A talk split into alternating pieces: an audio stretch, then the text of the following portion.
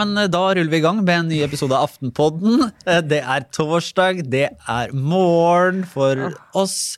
Det er mørkt og vått. Og to uker til julaften. Og to uker til julaften. Er det, er det Kjetil Astheim, er det en positiv ting eller en negativ ting? Eh, hva skal jeg si, Det nærmer seg slutten på 2020, da, og det er vel Ja, greit? Det, det kjenner jeg godt. Dette er et sånt år som jeg gleder meg til å ta slutt. Og som jeg har en eller annen vill idé om at det blir bedre 1. januar. Det gjør det neppe. Det gjør jo ikke det. Altså, jeg får akutt panikk av den her to uker til julaften. Nå, nå kjenner jeg at jeg, liksom, jeg må karre meg opp fra et mørkt hull når du sa det, Kjetil. For nå tenker jeg bare på alt jeg ikke har gjort, og hvor utrolig trøtt. Men, men jeg er. samt, jeg tenker jo mer sånn eh, To uker til julaften. Dette er jo egentlig enkleste desember. Jeg går og lurer meg sjøl og et selvbedrag. Veldig enkel desember. Så skjer jo ingenting. Og det påvirker alt jeg gjør. Det skjer ingenting, og jeg gjør ingenting. Men skal sies, altså Trine Eilertsen, eh, du kom jo inn her med eh, Norges største julekort. Det gjorde jeg fordi at eh, det var sånn det ble i år. For jeg, blingser på disse her målene når jeg bestiller julekort. I fjor så fikk jeg sånn mikrojulekort så, som jeg måtte bruke som sånn gavelapper. Og sendte til noen der det kun var plass til god jul. Så i år så leste jeg heller ikke på, og da fikk jeg sånn nesten plakat, vil jeg si. Og det var et stort, blankt julekort, altså bilde foran og helt blankt bak. Der jeg kan skrive om alt som jeg ikke har gjort i år, som ikke skjedde i år. Så det Nei, julekort er traumatisk. Men jeg, jeg er veldig glad i det. Ja. Det er bra. Sara Sørheim, du er også på plass. Det er jo fint da, er det ikke det, at vi kan ta med lytterne på en reise inn i en lysere fremtid. Eller eh, eventuelt bare snakke om hvordan eh, regjeringen nå håndterer koronasituasjonen. Og at de faktisk nå begynner å møte Er det sånn at de møter mer motstand nå på tiltakene, eller er det bare at det skjer lite annet, sånn at det, at det er debatten? Altså, for nå har vi jo vært gjennom en uke der det er liksom flere eh, ting som regjeringen har kommet med, har blitt diskutert. eh, litt mer sånn omstridt. Det har vært dette koronahotell, eh, karantenehotellordningen som skal justeres. Guri Melby fikk seg en smekk av FHI eh, i høringsrunden på forslag om mer hjemmeskole for, eh, for enkelte skoleelever. Og eh, det har jo nå vært en god sak i Aftenposten i dag om hvordan på en måte, hva skal man kalle industrilobbyen var med på å, å bidra til å åpne opp for arbeidsreiser her i, på slutten av sommeren. Ja, og hvor, eh, hvor saken til Aftenposten viser at, eh, at regjeringen var ganske mottakelige, er vel eh, i hvert fall eh, en litt forsiktig beskrivelse, mottakelige for innspill fra eh, norsk industri på nødvendigheten av å, å slippe arbeidsinnvandrere inn for å holde hjula i gang eh, i sommer. Eh, og hva det Ja, nå skal vi være litt forsiktige med å påstå at det førte til den andre bølgen med, med koronasmitte, men det var, er i hvert fall sånn at arbeidsinnvandring har bidratt i ganske stor grad da, til at vi fikk den bølgen nå på høsten. Så spørsmålet som jo reises, reises i den saken, er jo om, eh, om det at man slapp opp der, var i for stor grad å møte interessene til eh, industrien, og for eh, naivt, og kanskje til og med liksom, feilslått da, i forhold til den reelle smittefaren. Og det er ikke helt godt å si, det er for tidlig kanskje å si sånn hvordan ettertiden vil dømme det, men det er veldig interessant å få innblikk i hvor heftig eh, lobbyvirksomhet som foregikk i sommer, og hvem det var som vant den kampen. Eh, mot eh, faglige råd, men eh, da til fordel, får vi tro, for deler av norsk industri. Og ikke minst den, som vi journalister liker å si, den mektige oljelobbyen. som nok en gang vant. Men det er jo for, for det som jo skjedde, var jo da at de, ja, de fikk åpne opp for arbeidsinnvandring for å få liksom i gang industrihjulet og benytte seg av dette her oljeforliket, skatteforliket, eh, som satte i gang en god del prosjekter. og Alle vil jo at du skal holde i gang næringsvirksomheter, folk skal jobbe og sånn, men det var jo det at de lempet så voldsomt på disse karantenekravene til de som kom fra utlandet med i det ærendet, mens andre da ikke hadde jo det. Eh, Og det tror jeg vi kan si at det har fått en del konsekvenser da, som eh, mange gjerne skulle vært foruten, selv om det ikke er hovedforklaringen, kanskje. Men det er i hvert fall en av forklaringene på bølge to i Norge, da. Det er jo som eh, Otto von Bismarck sa, at eh, den som får kjennskap til hvorledes pølser og politikk og unntak fra smittevernbestemmelser blir laget, får aldri igjen en rolig natts søvn. Men det her kommer til å bli altså Jeg synes det er veldig kult at Aftenposten lager journalistikk på det. og Det er, det er viktig at det, at det gjøres òg, fordi dette kommer til å bli en sånn ikke oppvask nødvendigvis, men, men når denne pandemien forhåpentligvis liksom legger seg, og vi er litt over den akuttfasen, så kommer det til å være interessant å se ok, hva var det politikerne faktisk gjorde. altså Hvilke, hvilke grep ble tatt, eventuelt ikke tatt, eh, i 2020, og hvilke konsekvenser det fikk. Eh, og så har jeg all mulig respekt for at det er utrolig vanskelig å, når man står midt oppi det, eh, balansere alle de ulike hensynene. Og det har helt sikkert vært avgjørelser som ikke har vært så heldige, men som har vært gjort i god tro. Men uansett om god tro eller ikke, det der å, å gå tilbake og se liksom, hva var det som hadde vært den rette beslutningen, og hvorfor eventuelt havna man et annet sted. Og da er det veldig veldig interessant å se at det, er jo eh, altså særlig da næringsinteresser, forståelig nok, som kjemper og kjemper og kjemper for, for seg og sitt.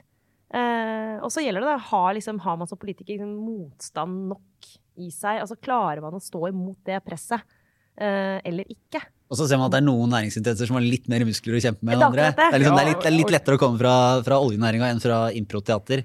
Uh, når du skal Men, men, det, det, det er jo, men det er jo det som kommer til å bli tror jeg, en del av diskusjonen nå og fremover. da, at eh, Hvem er det som faktisk kunne påvirke eh, kjørereglene på en måte som, som gagnet de, og hvem har egentlig aldri vært i posisjon til å gjøre det, og, og hva er begrunnelsen av det. Og Det finnes jo politiske begrunnelser for det, og i Norge har vi da valgt å gjøre, og det mener vi er helt riktig. Eh, det er sånn at det er politikerne som skal stå og formidle disse tiltakene, ta de endelige beslutningene og stå i det når kritikken kommer. Det er ikke Anders Tegnell i Norge som skal gjøre det. Eh, Sånn at De skal jo ta, gjøre avveininger som også er politiske. Men det er klart, da må du også tåle at når dette kommer frem, denne ut, ekstreme nære kontakten mellom statssekretæren i Helsedepartementet, Anne Grete Erlandsen og Norsk Industri kommer frem, hvor de liksom omtrent på timebasis driver og utveksler hvordan de skal gjøre dette her, sånn at det blir best mulig tilpasset uh, den delen av industriens interesser. Så det er klart, da må du også tåle at du får en debatt om hvordan dette foregår. Men, men altså regjeringen, og hvert fall hvis vi skal forsvare dette her, så vil jeg si det var litt det samme som man så med, med. Hurtigruta. ikke sant? Mm. Altså, at man jobber på, og, og hele oppdraget til regjeringa og departementene er jo nettopp å, å holde hjula i gang og sørge for at, eh, ja, at, de- at dette ikke faller helt sammen.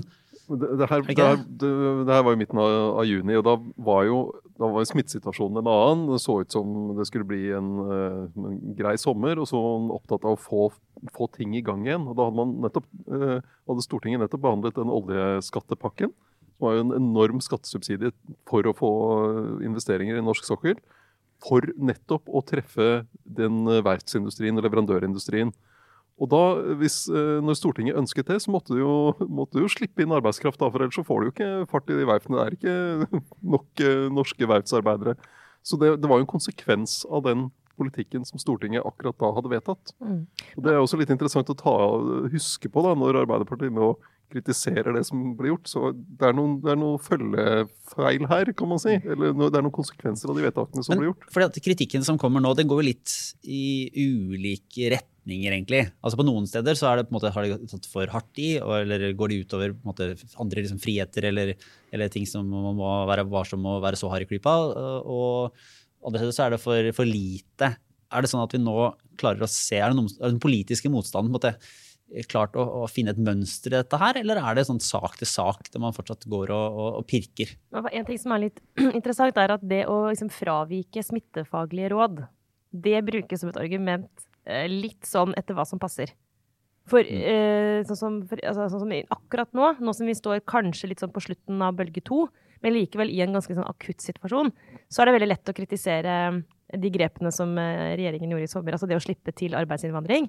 Eh, fordi, i hvert fall tyder det på, altså FHI og Helsedirektoratet fikk veldig kort tid på seg, ble nærmest instruert den gangen om å lage en veileder for arbeidsinnvandring. Altså beslutningen om at vi skulle åpne for arbeidsinnvandring ble tatt, eh, og, og um, det kan tyde på at verken FHI eller Helsedirektoratet eh, var for å gjøre det. Det fantes i hvert fall råd som gikk i en annen retning.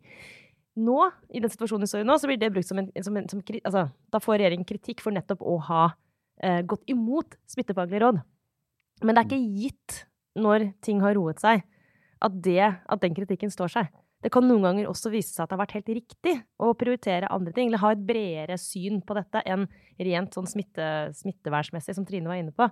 Det liksom, er, politikere har et De skal se hele samfunnet under ett, da. Og det er ikke gitt nødvendigvis at, at de smittefaglige rådene alltid er det eneste du skal lytte til. Men poenget mitt, det du sa, Lars, var sånn Er det en, en retning på dette? Foreløpig syns jeg det virker som at man griper de argumentene man kan, som passer til akkurat den ene situasjonen. Jeg syns ikke Arbeiderpartiet for eksempel, er helt sånn stringente i hvilken retning de kritiserer regjeringen fra. Det tar litt sånn histen og pisten. Det var, du hadde noen eksempler, Kjetil? Ja, nei, de kritiserer jo nå det at eh, de ikke hørte nok, altså regjeringen ikke hørte nok på FHI og Helsedirektoratet i forbindelse med dette med arbeidsinnvandring. Eh, men så kritiserer de da samtidig regjeringen for å lytte til Helsedirektoratet når det gjelder det å ikke innføre obligatorisk testing på flyplasser for, folk som kommer fra utlandet. Men, og, og, og samtidig, og det, det, det, er jo ikke konsistent, men samtidig så er det jo det er jo noe av det som Trine var innom. Vi har jo valgt en annen modell enn svenskene. Det er ikke sånn at bare altså, helsemyndighetene styrer, eh, styrer, tiltakene. Det er en politisk vurdering også. Men det som er et problem, er jo at det blir litt uklart hva som er politikk og hva som er helsefaglig råd her. Og det, det tenker jeg er, er, noe av det som har blitt litt synlig i, i det siste med den diskusjonen rundt karantenehotell, der FHI mente at her må vi ta oss litt bedre tid til å lage reglene, og det hadde de jo helt rett i.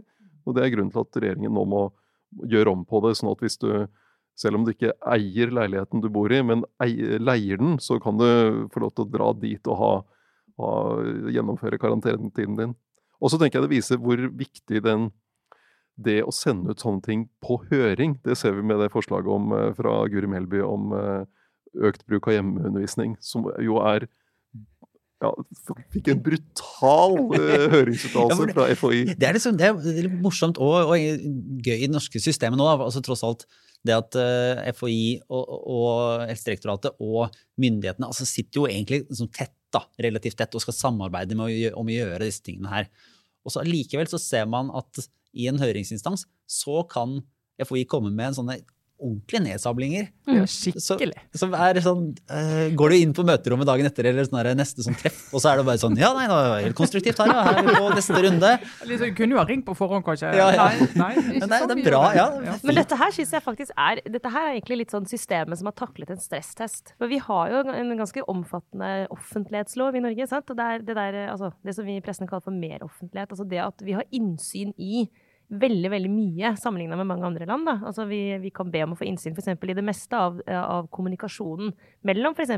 FHI, Helsedirektoratet og, eh, og, og, regjeringen. Masse av dette er jo ting i postjournaler som vi kan få innsyn i, og da kommer det jo frem da, ganske høy grad av uenighet. Og jeg syns jo også sånn som ja, Camilla Stoltenberg i FHI har jo også åpent til mediene sagt at her var vi uenige. Ja, det, uh, og det er altså Det er tillitvekkende, vet du. Selv om mange er redd for det motsatte. Men det var jo, altså jeg bare tenkte på sånn kontrasten da, til uh, vårt kjære naboland Sverige.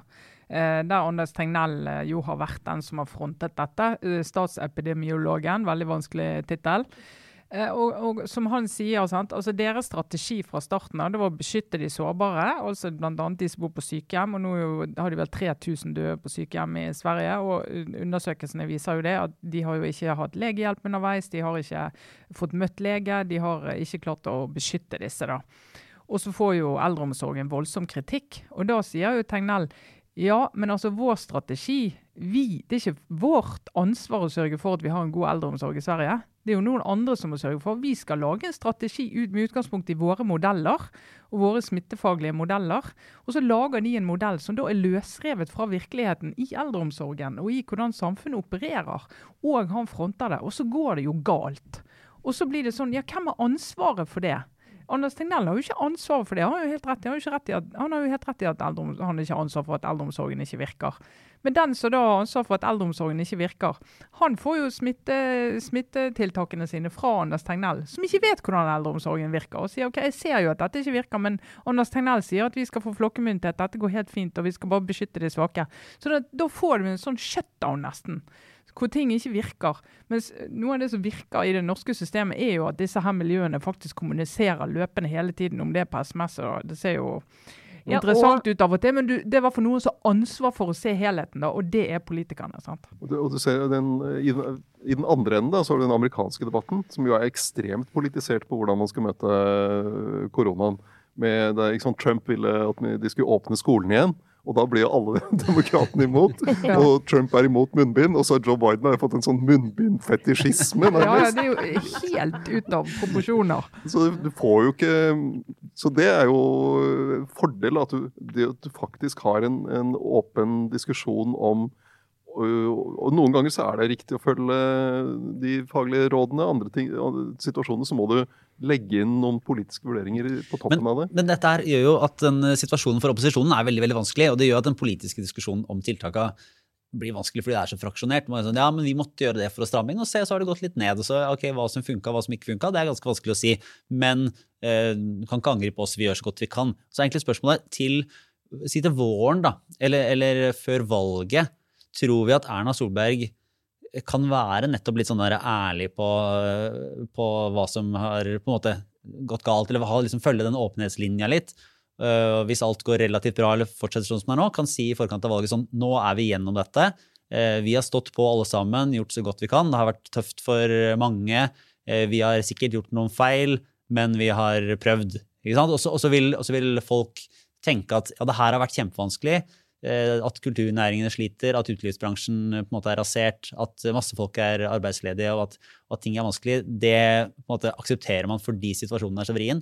Eller om eh, man kommer til å få mer fokus på hva som har vært feil, eller hva som kunne vært gjort bedre jo mer mm. tid som går. Det er, liksom, det er litt spekulasjonsspørsmål, men, men har du noen følelser om, tanker om hvordan det vil utvikle seg, eller kan utvikle seg? Jeg tenker at Det hadde vært veldig fordel for Erna Solberg hvis det var valg i mai, tror jeg. Kunne på en måte, hun kommet på en måte ned altså, jeg Husker dere, var det George Bush som kom landet stem, Kom og stem og få vaksine! ja, men sånn, Lande på et sånt ja. Eh, hangarskip med sånn derre 'mission accomplished'. ja. og så vet vi jo eh, at det kan, eh, komme, kan slå deg veldig hardt i bakhodet hvis det viser seg at det, nei, var, krigen var ikke helt over likevel. Men jeg tror akkurat liksom, den stemningen i mai nå, nå jeg, Min magefølelse, Lars, for hva det har vært um, forteller meg at i mai kommer vi til å være ganske kjepphøye og glade og tenke at dette er over for alltid. Og så kan det godt hende for det at epidemien ikke er over for alltid, fordi at vaksinen ikke har så, altså at den ikke varer så lenge, den uh, beskyttelsen. Det vet vi jo ikke helt. Så det er jo en sånn ekkel liten stemme i mitt hode som sier at det kan jo hende at det blir nye runder, og det kan godt hende at dette her drar ut. Men det andre, som kanskje er mer relevant, da, det er jo hva skjer egentlig i norsk økonomi? Altså hvordan kommer folk til å oppleve at hverdagen er i, altså, til høsten neste år? Og det er klart at Hvis den er veldig dårlig, og hvis det her viser seg at det har fått sånne konsekvenser som gjør at norsk økonomi får en knekk som blir litt mer varig, så tipper jeg at det er litt vanskeligere for regjeringen å stå der som vinnere eh, i valget. Altså det, det, tror jeg på en måte blir, det blir helt avgjørende. altså Rett og slett bare vil økonomien gå, eh, gå på en smell eller ikke. Det, det, er det som kommer til å bli viktig til, til høsten, ikke liksom epidemisituasjonen, mest sannsynlig. Nei, altså, jeg, jeg føler det med at eh, økonomien kommer til å være avgjørende. Sant? Hvordan ser det ut i arbeidslivet. Men samtidig, da, hvis vi nå kommer ut på våren og sant, vaksinene begynte å komme ut, og vi faktisk til påske, som Høie snakker om, da, da begynner det å nærme seg liksom noe. Eh, hvor vi kan begynne å leve, Du kan i hvert fall kjøre i gang. Da vil kulturarrangementene komme i gang igjen. For vi håper at vi har aktører som kan utøve den kulturen og arrangere det. Eh, og kanskje du får ordninger som skal hjelpe de med å faktisk komme i gang igjen, være målrettet på det. Og du begynner å nærme deg sommeren hvor, hvor, verden begynner å være ganske normal. Og så vil du ha noen som ligger nede for tellingen. Og det som er utfordringen litt for opposisjonen, da, det er å si sånn Hva hadde vært bedre hvis det var oss? Eh, så jeg vet ikke om det kommer til å bli så retrospektivt. Kanskje det heller kom, valgkampen bør handle om ok, nå er vi her, dette er situasjonen, disse ble veldig rammet av epidemien. Hva skal vi gjøre for de? Hvem er de beste svarene for de, sånn at du får en politisk diskusjon som peker fremover og ikke bakover. For jeg tror det er ganske vanskelig for begge parter å, å peke bakover og si vi gjorde alt rett eller vi, de gjorde alt feil. Ja, Mens ja. for Erna Solberg selvfølgelig vil si, når vi kommer dit og så er Det er jo selvfølgelig avhengig av hvor alvorlig situasjonen er. Hvis hun har den saken i, i, under armen hvor hun kan si 'jeg ledet landet gjennom denne krisen', Men spørsmålet er jo litt også om, ja, om, om, hun ikke trenger å si at vi gjorde alt rett. Fordi at eh, det, på en måte Aksepten det har hun jo aldri sagt. Nei, ikke sant? Sånn, aksepten vil være sånn eh, vi har helt sikkert gjort noe feil, ja. men se på verden. Ja. Uh, jeg tror jo det vil være budskapet. fordi at ja. hun har jo vært, og Det har vært klokt av henne å si helt fra begynnelsen av vi vet ikke alt. Vi må prøve. Dette funket, dette funket ikke. Og det må hun bare fortsette med. Sant? Mm. Jeg tror på, på smitteverntiltakene, det, den tror jeg blir litt sånn vanskelig å gjøre til en sånn veldig stor debatt. For det er sånn, hvis vi har kommet ut igjen på andre siden og det gikk ganske bra, så er det da er det fasit. Men på eh, støttetiltakene for bedrifter som sliter, der har de, har de opposisjonen lagt inn ting i depotet nå som de kommer til å bruke senere hvis dette ikke går bra. Fordi eh, regjeringen eh, har jo gjort om på den kompensasjonsordningen som skatteetaten forvaltet i, i våres. Nå skal det over til Brønnøysundregisteret, som gjør at de pengene kommer en eller annen gang i siste halvdel av januar. Og Der er jo kritikken fra opposisjonen at uh, dette, vi visste at det kunne komme en smittebølge to. Hvorfor var ikke denne ordningen på plass i tide? Hvorfor får de ikke pengene nå? Uh, og så kommer det, og så En annen ting som er helt sikkert, er at det kommer konkurser neste år. I år så har det vært uh, underkonkurser. Det har vært færre konkurser enn det var i fjor eller året før. Fordi uh, bl.a. skattemyndighetene har latt være å å dra bedrifter som ikke betaler skatt og arbeidsgiveravgift og sånn, inn for eh, konkurs. Eh, så det er mange bedrifter som lever nå, og som ikke har livets rett, og som i norm normalsituasjon ville gått konkurs. Og så får du en sånn koronaeffekt på toppen. Så det kommer en uh, konkursbølge neste år, og den vil jo kunne slå inn i politikken og den politiske debatten. Og, og der opposisjonen vil kunne si at regjeringen kom for sent med tiltakene da smittebølge to slo inn. Men er det sånn at opposisjonen Vi har jo på en måte vært litt kritiske til opposisjonen og sagt at de kanskje ikke helt klarer å finne et mønster eller er, er konsistent i argumentasjonen sin.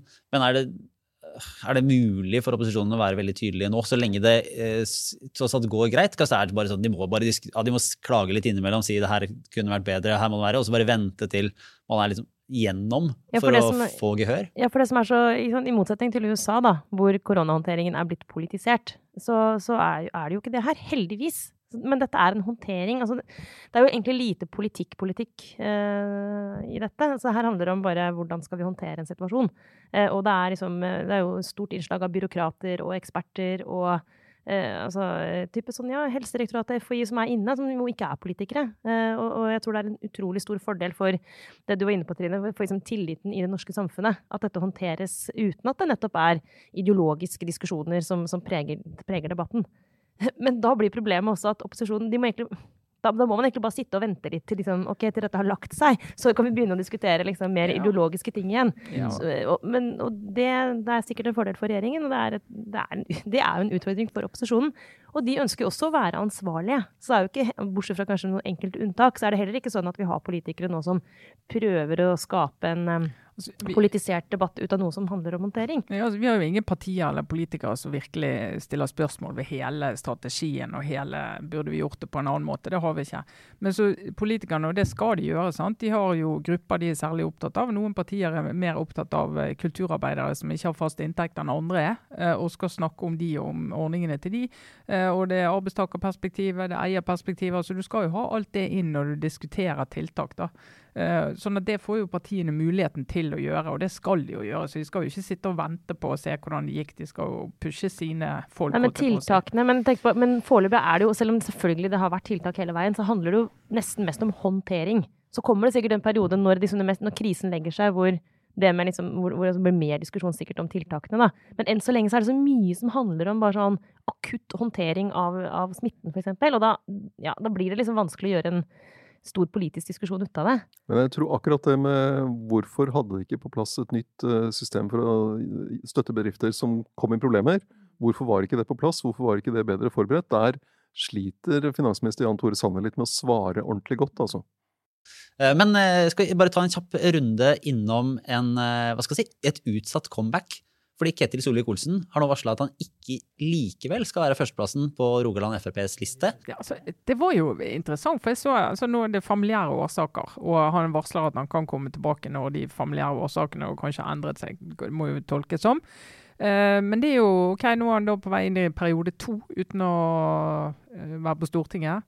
Uh, han var nestleder. gikk ut. Terje Søviknes kom inn som nestleder.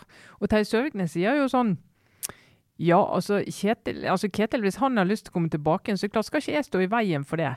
Og det er litt sånn interessant eh, Akkurat som han er liksom bare vikar-nestleder. Men han er jo valgt av landsmøtet, og det er jo sånn rar Du er nestleder i partiet, og så er det en som da Jeg tar ikke den perioden på Stortinget, jeg tar heller ikke neste, men hvis han har lyst så, er det, det, er litt sånn som Marit Arnstad lenge var i Senterpartiet. Som var, sånn, var, var uteprolo, så alle var sånn skal inn som leder, skal inn som leder. Og så kom hun tilbake til slutt, da. Men, mm. men ble jo ikke leder. Det var jo da uh, Trygve Slagsvold Vedum. Hun ville jo ikke. Nei.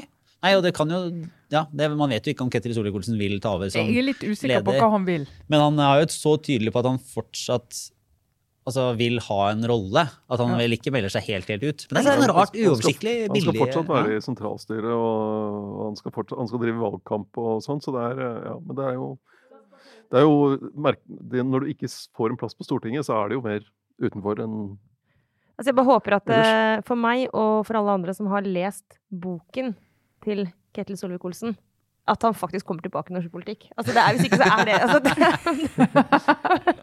hvis, jeg visste at jeg brukte den tiden på å lese boken til en helt utrolig normal privatperson Som, så kjenner jeg, Det orker jeg ikke å tenke på. Du har Altså, investert for mye tid i den Ja. boka til at han skal bare fisle ut av norsk politikk. ja, hvis det var det du gjorde altså, Han skrev jo den Han boka. skylder deg, Han skylder meg den tiden. så til- du kan bruke den innsikten du fikk fra den ja, han er nødt til å få seg en, hvert fall en eller annen rolle eh, i Norge med makt som gjør at man kan si altså et eller annet man kan bruke det til. Hvis han nå skal bli en helt vanlig mm, ansatt på en. Forretningsutvikler, tror jeg Ja. han driver med. ja. Det er ikke greit. Nei. For det, eh, du kan ikke skrive en sånn bok, og så er det det siste du gjør. Jeg har jo lurt jo litt på om det var et sånn skifte i Fremskrittspartiet. eh, Jon Georg Dale har vel sagt at han ikke tar gjenvalg, han skal gjøre noe nytt. Uh, Ketil Solvik-Olsen skal det ikke inn på Stortinget. Uh, Åshild Brun-Gundersen ble vraka i Agder. eh, som på en måte kunne tyde på at, eh, at det var liksom en, et sånt generasjonsskifte. Det har vært en kamp med identiteten i, i Fremskrittspartiet. da, og Særlig Dale og, og Solvik-Olsen regnes jo som sånne måte, mer moderate, regjeringsvennlige Ja, og Sånn visstnok. Siv Jensens foretrukne Ja, etterfølgerkandidater. samtidig så, så, så vraker det jo, som vi, som vi nevnte sist, Jon Helgheim. Så det kan alltid stå sånn 1-1 i eh, populisme, eh, si, regjeringsvennlighet, i, i de som er med videre. Men, eh, men det, kan, det er jo sånn interessant å se hva som, hva som skjer der. For det, er færre profiler i den Frp-stortingsgruppa vi ser konturene av etter neste valg. Mm. Ja, det er mer sånn øh, Og, det, og den der, vi, vi så jo for oss og Dette har jo jeg skrevet kommentar om, så jeg møter meg jo i døren med et smell. Det skal jo sies. Eh, at eh, når, hvis Frp skulle ut av regjering, så ville du få en kamp mellom disse fløyene. Eh, og da den Sylvi-fløyen og Jon Georg Dale-fløyen. Men alt det der har jo bare fislet helt vekk. Så det kan jo hende at sånne som meg bare bommet helt på analysen. Det åpner jeg veldig for. Siv Jensen tar ti år til, hun. Eh, Ja, for det var jo litt tanken, altså. Hva, og det, men det er jo sånn man klarer ikke å sette seg inn i hvordan andre tenker. Og det er jo Erna Solberg står nå på topp av uh, uh, Hordalandslisten for Høyre, og Siv Jensen på topp i Oslo. og det er litt sånn, De har vært i regjering i, i åtte år. Nesten Siv Jensen og nesten åtte år. Og så går de på en ny periode til liksom, på toppen av listen i Stortinget. Jeg, syns det er interessant at de er motivert for det. Altså, Jeg tenker jo at du gjør det fordi at du Men da skal du, da skal du være glad i å sitte på Stortinget, altså. Eller så tenker, Nå er vi langt over i å spekulere, altså, men det der, nettopp den der, liksom, de rare signalene rundt Solvik-Olsen på at liksom, han kommer tilbake igjen. Det er jo mulig å se for seg at det også fortsatt er eh, Siv Jensens plan A. Men at hun må bare holde ut litt til, for han er ikke klar ennå. Altså, det, er, det er tålmodig. Hvis Ja, det det er er sånn, tålmodig. Åtte år, liksom. Ja, ja det altså, ja, og så tar hun fire år til for å vente på at Solvik-Olsen skal komme tilbake. Nei, det, ja, nei, vi vet ikke. Vi får se. Det, jeg ja. synes jo det er litt sånn retningsløst for Fremskrittspartiet Ja. nå. Sånn som eh, i forbindelse med den budsjettavtalen. Så, og så var Sylvi Listhaug ute og sa de var så lei av, eh, nei, av Kristelig Folkeparti og Venstre, som hun har sagt før. Men det er ikke nytt. ja, nei, ja, ok, men hva skal dere gjøre med det? Ja, hvis skal dere de skal, gjøre hvis dere skal ha makt i neste stortingsperiode, så er dere nødt til å samarbeide med Senterpartiet og Nei, Kristelig Folkeparti og Venstre. Skal dere, skal dere lage en annen eh, konstellasjon, eller hva, hva er eh, måte veien frem? De, de må gjøre et eller annet sånn Det går jo an å tenke at um, de ser De vil jo ikke ha KrF særlig, da hater jo KrF. Og Venstre de hater Venstre, det, Venstre. er helt riktig. Jeg tror det er ganske likt. altså, særlig, ja, de har, særlig KrF og særlig Venstre. Og særlig Venstre. Men nå har de jo, de, har du, hvis du skal være litt konspiratorisk her, så sier du at det er jo de som har fått i gang dette sentrum. Så får de jo vippet KrF for godt ut av Stortinget, og sentrum for godt ut. Bort med, liksom. Og så er det Venstre. Og så må de jo da drømme om da at de, de velgerne som var der, vil gå til Høyre eller Frp. Nei, visjonen, Drømmen er jo at, eh, at de er tilbake i regjeringsforhandlinger, sånn at uh, Ketil Solvik-Olsen igjen kan stille opp, sånn som han gjorde i Nydalen i 2013, med en uh, sånn champagnekjøler med sjokolademelk, som Trine Skei Grande skrev i boka. Det er det oppsummerer i grunnen altså Hvis du bruker en champagnekjøler til, å- til sjokolademelka di, så tenker jeg sånn da, altså, Jeg kan ikke snakke med sånne mennesker. Da, det vet jeg ikke, da vet jeg ikke hvem du er. deres, det gjør du. Jeg leser boken. Men et morsomt eksempel, da, på, siden jeg greide å si Senterpartiet flere ganger feil her i stad, er jo at Fremskrittspartiet den, denne uken har samarbeidet med Senterpartiet og Arbeiderpartiet om, uh, i Stortinget, der de har stemt sammen om fire forslag fra Arbeiderpartiet om bl.a. å skjerpe kravene til kartlegging av identitet og skjerping av tilknytningskravet i familieetableringssaker, altså innvandrings- og asylpolitikken. Og det er jo en interessant allianse mellom Arbeiderpartiet, Senterpartiet, Frp. Og, og det illustrerer også litt eh, det at Vedum vil jo, vil jo bare en eh, Arbeiderparti-Senterparti-basert regjering. Mm. Nettopp for å kunne gjøre den type ting. Mm. Slippe å bry seg om disse uh, softisene i SV og lage litt uh, politikk som Frp Jo, eller. Høyre eller noe. Ja, ja, eller mindretallsregjering på hver, en- en- enten bestående av Høyre og Frp på den ene siden, eller Arbeiderpartiet og Senterpartiet på den andre siden. På den andre siden vil jo Det er en ny dynamikk i norsk politikk, som søker, søker samarbeid på tvers uh, med hverandre når det passer seg. Eh, ja. Det er ikke umulig å se for seg at det nå at det er som slutten på småpartiene, på et vis. Og slutten på Altså, den kommentaren har i hvert fall skrevet uh, mange ganger før. Jeg tror vi uh, runder av der og går videre til en uh, liten Med håp i stemmen. Ja. Kan det virkelig være sant? Ser vi slutten på småpartiene?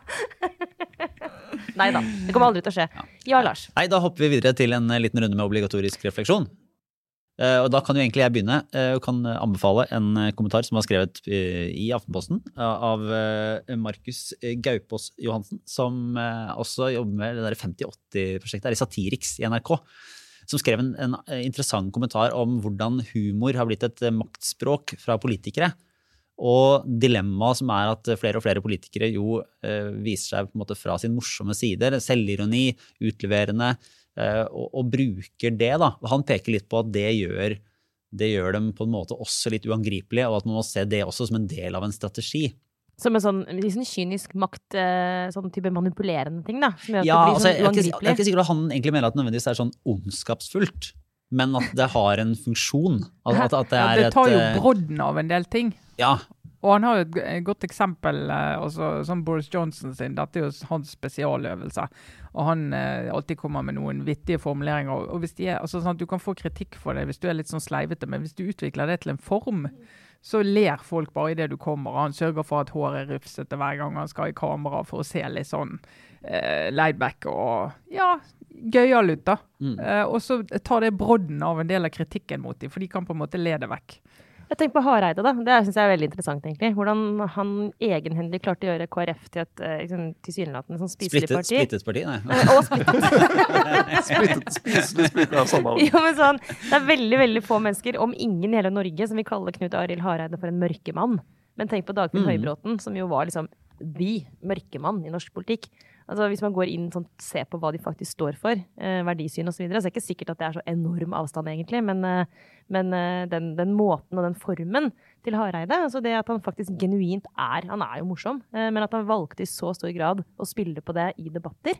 Det er klart at det påvirka jo sikkert opp, altså, Mye goodwill. Fikk Ja, enormt mye er- er ja, sånn- men- ja, men oppslutningen om KrF gikk jo bare nedover mens han var partileder. Ja, da må jeg tenke oss selv at enda verre uten. Ja, det kan jo hende at det var altså, Det vet vi ikke, sant? Kanskje det, ja. Humorens begrensning. eh, Ja. Men så er spørsmålet, så er det, sånn, det er vanskelig å si ikke si, Det er jo så forferdelig å si til politikere sånn, nei, vi må være mindre morsomme. Det vil jo ikke det. For det er jo, eh, det er jo, det er jo ofte de gjør det mer interessant å følge med. Det, det er jo på en måte trekk, synes Det viser jo tross alt at de evner å se seg sjøl litt utenfra. At de har et eller annet de skjønner noe som foregår i samfunnet som ikke bare er politikk. Altså, det, er jo liksom, det er jo positive konnotasjoner Ja. og bra. Samtidig så vet jeg ikke helt hvordan en kan En kan ikke akseptere alt som sånn ufarliggjørende eh, humorting. Fordi de er jo utøvere av makt som sitter og bestemmer og må ettergås og liksom Ja, jeg vet ikke helt. Men det, det, det er jo, og det er han Gaupås han, Humoristisk så sier han jo dette undergraver litt sånn livsgrunnlaget for sånne som oss, som Ja. driver med sitt satire. uh, og det er jo uh, vittig skrevet. Men altså, av og til så makter man jo å ta de på det. da, altså Nå Trygve Slagsvold Vedum ble intervjuet i TV 2 Ja. uh, om disse avgiftene og grensehandel, og hvor det var viktig å få ned avgiftene, og hvor det ikke var viktig. Eh, og han hadde veldig dårlig svar på dette med alkoholavgifter og hvorfor du ikke skulle ta ned de. Og så når han blir presset, da, så begynner han bare å le. sant? Denne hysteriske latteren sin, som jo er utrolig eh, gøyal, og du, du, du liker han lett. Men når du så det på TV, så ble det helt grotesk. Så da ble liksom hans, et av hans viktige grep for å liksom få vekk kritikk og vanskelige spørsmål, det ble så veldig stygt ut i den setningen. For det virket så åpenbart at han, han bare ga blaffen i å svare på spørsmålet fordi han skjønte han ikke hadde et godt svar. Og da ble han liksom tatt på det. da. Mm. det Han, han hadde jo den formuleringen om at Senterpartiet ville heller ha lavere avgifter på, pølser og pizza enn på pils og pjolter, og så lo han seg helt bort. Men altså, hvem, hvem forholder seg til pjolter i våre dager? Burde han heller sagt uh, pils og piemonte, f.eks.? Nei, Da kan det jo se ut som han reiser i EU stadig vekk. Ja. Ja, men det kan være ja. sant si Piemonte. Altså, Ja, det det, går nei, det ikke. ville ikke vært Det er ikke identitetskrise. Olaug Bollestad trekkes jo fram som et eksempel for denne Instagram-kontoen, som vi også har hatt eh, si, ledd med og til dels av. Uh, men, men altså, vet jo fra, fra kilder i KrF at hun er eh, Det er ikke at hun som er en, eh, en eh, si, spiller bare sånn skuespill, men hun, hun er jo åpenbart også en maktpolitiker. Hun er jo en som var med å ta ganske harde grep i denne kampen om KrF sin framtid. Hun er helt sånn bevisst sin egen rolle og sin egen makt, og, eh, og hvordan ja, skal få gjennom politikk og få gjennom sitt syn i KrF og, og utafor. Men, men hun blir jo for veldig mange som ser den Instagram-kontoen, så er hun litt sånn ja, artig, Koselig. gladdame. Gøy, altså. Nabokjerring, på en måte. ja. Ja. Og, eh, samtidig som hun har en, eh, en, eh, ja, en, en litt sånn hardere side for å, for å få gjennom politikken. Jeg vet, jeg vet ikke helt hvor hun, hvor hun skal ende opp, men det var et interessant perspektiv. andre, ja, men eneste andre som faktisk har altså Det er en sånn egen sjanger som er sånn, sånn voks, godt voksen dame som driver med sånne pranks. Altså sånn, som er sånn som egentlig virker helt normal, nesten kjedelig. Men kona til Joe Biden, Jill Biden, er kjent for også å være sånn Hun er lærer og virker jo ufattelig skikkelig.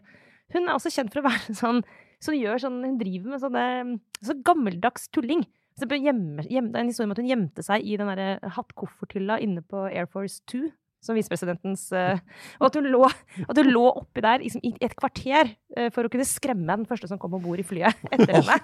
Håper, altså, verdens fremtid. eh, Han er sånn ett hjerteinfarkt unna Joe Biden. Altfor gammel. Det må bare må, For all del, Jill Biden, uh, slutt med dette her. Men altså, jeg vil bare si, så det er jo altfor få damer som bruker humor som et virkemiddel. Enten det er sånn skremme, skremmehumor, eller om det er en gøyal Instagram-konto. Uh, men sleivete kommentarer osv. er jo ofte noe menn driver med, da. Så jeg vil bare Ja, liksom, ja, så skal være forsiktig med å ta Olaug Bollestad på noe som Ja, så jeg vil si at det er bare Eh, heia. ja. Altså, da heller, altså, Vedum og Hareide kan godt tøyse litt mindre, men akkurat uh, Ola Bollestad kan godt egentlig tøyse litt mer. Men jeg tror jo egentlig det som er viktig å ta ut av den eh, kronikken som du anbefaler nå, da, Lars. Jeg gjør det. jeg gjør det. Det er jo rett og slett at vi må være mer obs på det. sant? Altså Mm. Hvordan vi sjøl blir påvirket av disse morsomme, sjarmerende politikerne. Og at det kan gjøre at vi glemmer å se makten som utøves, og som bør og skal kritiseres, når det ikke blir rett. Vi må se gjennom fugleskremselkostymet. Ja. Ikke jeg, da, for jeg skal ikke se på sånt program resten av mitt liv. Jeg, jeg er den eneste i Norge som ikke gjør det, så det går bra. Jeg tror vi er flere her. Men uh, Sara Sarheim, har du en liten obligatorisk refleksjon inn i Ja. helgen? Ja, altså det som er, men Jeg vet ikke om dette er egentlig bare et eh, tegn på at jeg har på en slags sinnssykdom. Men uh, det, mitt, mitt, mitt uh, life hack på en måte, i en periode som jeg syns er altså så utrolig traurig. Dette her er, altså Jeg har aldri hatt det så kjedelig. Altså, det er helt, eh, men da tenker jeg sånn Det finnes verre ting. Så det jeg ofte gjør når jeg har det ikke så gøy, er jo enten se på dokumentarer eller lese bøker om ting som er veldig mye verre. Så jeg har vært gjennom mye sånn type Scandinavian Star og Therese-saken og grusomme ting denne, dette året. Nå, denne uka her, kommer min Kanskje jeg skal si det er en Er det peak, peak, Peak. nød? Peak forferdelige ting å ta inn over seg, som jeg anbefaler de som måtte det finnes noen der ute som er som meg. Nå, vi lever i en pandemi. Jeg leser en bok om ebola. Ja. For det er sånn, korona, det er ordentlig dritt. Men bare, dere skal være glad dere ikke har ebola eller Marburg. Verdens verste virus. Så kan jeg anbefale en, en bok fra 1994, tror jeg, som heter The Hot Zone av Richard Preston. Altså, den er så forferdelig skummel. Det er altså så vanvittig. Så jeg må innrømme at jeg har drømt litt om blodstyrtning eh, om nettene, og det anbefaler jeg ingen, fordi eh, den boka handler om eh, hvor kommer ebolaviruset fra. Det det er på en måte dokumentarisk eh, det en dokumentar. Sakprosa. Ja. som det heter. Ja. Mm. Sakprosa om, Ja. om ebola, hvor han skriver om for det første hvor den kommer fra, det viruset, og om Marburg, som er tvillingsøsteren til ebola, som er så for jævlig. Greier du ikke vil ha i kroppen. Du anbefaler ikke virusene, men boka. Absolutt. Og, og, og veldig tydelig på at jeg ikke anbefaler det viruset. Det han gjør, er at han forteller hva som skjer i kroppen når du får eh, disse filovirusene, som de heter, denne familien av virus, men forteller også hvordan um, menneskeheten har vært veldig, veldig close uh, å få dette her spredd ut. Blant annet så er det, og mye av boka handler om en hendelse i Washington DC, utenfor Washington, så var det jo et ebolautbrudd. Vet dere det? På en sånn apefarm. Altså, Men altså, ja. var, var det, er sikker på at dette ikke var filmen Outbreak? det, filmen Outbreak er basert på denne boka. Ah. Men filmen 'Outbreak' er jo en film, Lars. Altså ja, ja, ja, for det, men det mener jeg bestemt å huske at det ikke var Ja, sakprosa. men mange av våre lyttere, nærmere, kanskje. nærmere virkeligheten enn Atlantic Crossing? Et knepp, muligens. Nei, men helt riktig. Outbreak er basert på denne boka The Hot Zone av Richard Preston. Eh, Men dette her, han, han, er sånn, han har skrevet masse også om, om virus og bioterrorisme og slike ting. Eh, Men, men poenget er at disse virusene som, altså, er, de er altså så geniale til å være virus, da. Bortsett fra én ting, og det er at de er altfor dødelige. Sånn at eh, Det er Mm. derfor vi ikke har hatt en, en ebola-pandemi. For at det er Du rekker det ikke. Du tar livet av verten før du får spredt, Ja. seg. Ja, Mm. så koronaviruset er mye smartere enn disse virusene her. Takk gode gud. Men i hvert fall, hvis dere vil ha noe å tenke på, hvis, hvis dere vil kjenne på en, faktisk, en takknemlighet for at det er faktisk covid-19 eh, vi har, og så bare les den boka, så blir, føles ting veldig mye bedre. Ja, men det er, en, det er en god anbefaling. Da skal vi se om ikke det hjelper på. En Eh, eh, gladsak Hvordan er det med deg, Trine? Du, eh, først, jeg ba jo om innspill til julemusikk eh, forrige uke. Har fått masse, masse, masse og veldig mye bra. Utrolig glad for det. Fikk utvidet eh, mitt eh, julemusikkunivers. Og av de som jeg har fått inn, da, så var, fikk jeg anbefalt eh, eh, Kvinnelige studenters sangforening. Som eh, har laget en eh, plate som heter Stille sne. Kor. Åpenbart, Det liker jeg også veldig godt. Jeg må understreke kor veldig glad i kor. Med sakral eh, stemning. Altså, det høres kanskje for noen litt ironisk ut nå. Jeg kan bare det fins understreke at ikke ironisk. Nei, det fins ikke ironisk. Null, null distanse. Null distanse her. Altså ikke sånn, ikke sånn gøy folkelig kor. Det må være ordentlig kor. Og så må være høyt, høyt oppe, høyt nivå. Og disse er jo på høyt nivå. Eh, veldig fin eh, juleplate med, hvis du liker den sakrale løsningen. Fine arrangementer, mange nye arrangementer, kjente julesanger. Det liker jeg godt, altså. Så det vil jeg bare si. Det andre jeg vil anbefale, er hvis du har 29 minutter i livet ditt, så du tenker hva skal jeg gjøre med de? Da skal du lese boka til Ketil Solvik-Olsen. Den, den tar dessverre Om du så bare rekker et kapittel, så er det verdt det. Nei. Da kan du se en dokumentar som ligger på aftenposten.no, nå, som jeg eh, har eh, kikket på, eh, som heter Ulv Ulv. Kyrilien Kyrre Lien som har laget. Eh, Flink fotograf og åpenbart og videoforteller. eh, Som går inn i ulvekonflikten eh, i ulvesoneland. Eh, og er og da følger, eh, før denne ene flokken skal tas ut, følger den som kjemper for disse ulvene, og de som ønsker at de skal få fjernet de og skutt de og jaget på de. Veldig sånn nedpå, stille og rolig film om en problemstilling og en konflikt som er alt annet enn stille og rolig. Det er virkelig helt ko-ko temperatur i den eh, konflikten. Det går an å forstå det når du hører de som er der inne. Eh, hvordan de på begge sider mottar, dødstrusler. Eh, altså, det, det er virkelig vondt, vondt, vondt blod. Og disse menneskene bor jo i samme område. De skal omgås hverandre. Og de har også stått på hver sin side i en konflikt som er en av de hardeste eh, konfliktene i Norge. Anbefales. Den finner du altså på, på Aftenpostens nettsider. Aftenpostens nettside. Det er mye dyr i denne podkasten. Altså. Det er vi er. Vi er glad- vi er Dere var så overraska da jeg sa det sist, men Ja. det er mye dyr er her. dyr vi er glad i, eller dyr vi hater. Eh, Åssen er det deg, Kjetil? Har du en anbefaling? Ja, nei, altså, jeg tror egentlig jeg vil anbefale, siden vi, vi, vi snakket så mye om eh, det fine med åpenhet og høringer og sånt Dere må lese den høringsuttalelsen fra Folkehelseinstituttet om eh, denne forskriftsendringen som Guri Melby ville ha om, eh, for å tillate mer, mer, hjemmeundervisning. Skal vi få resitering? Jeg tror, jeg tror jeg må ta bitte litt grann her. Tekstlesing. Ja, tekst for dagen. Der de skriver bl.a.: Vi skjønner godt at mange ansatte i skolene er slitne og bekymrede. Vi frykter imidlertid at det nå er de bekymrede stemmene som i for stor grad setter dagsorden i offentligheten og sosiale medier.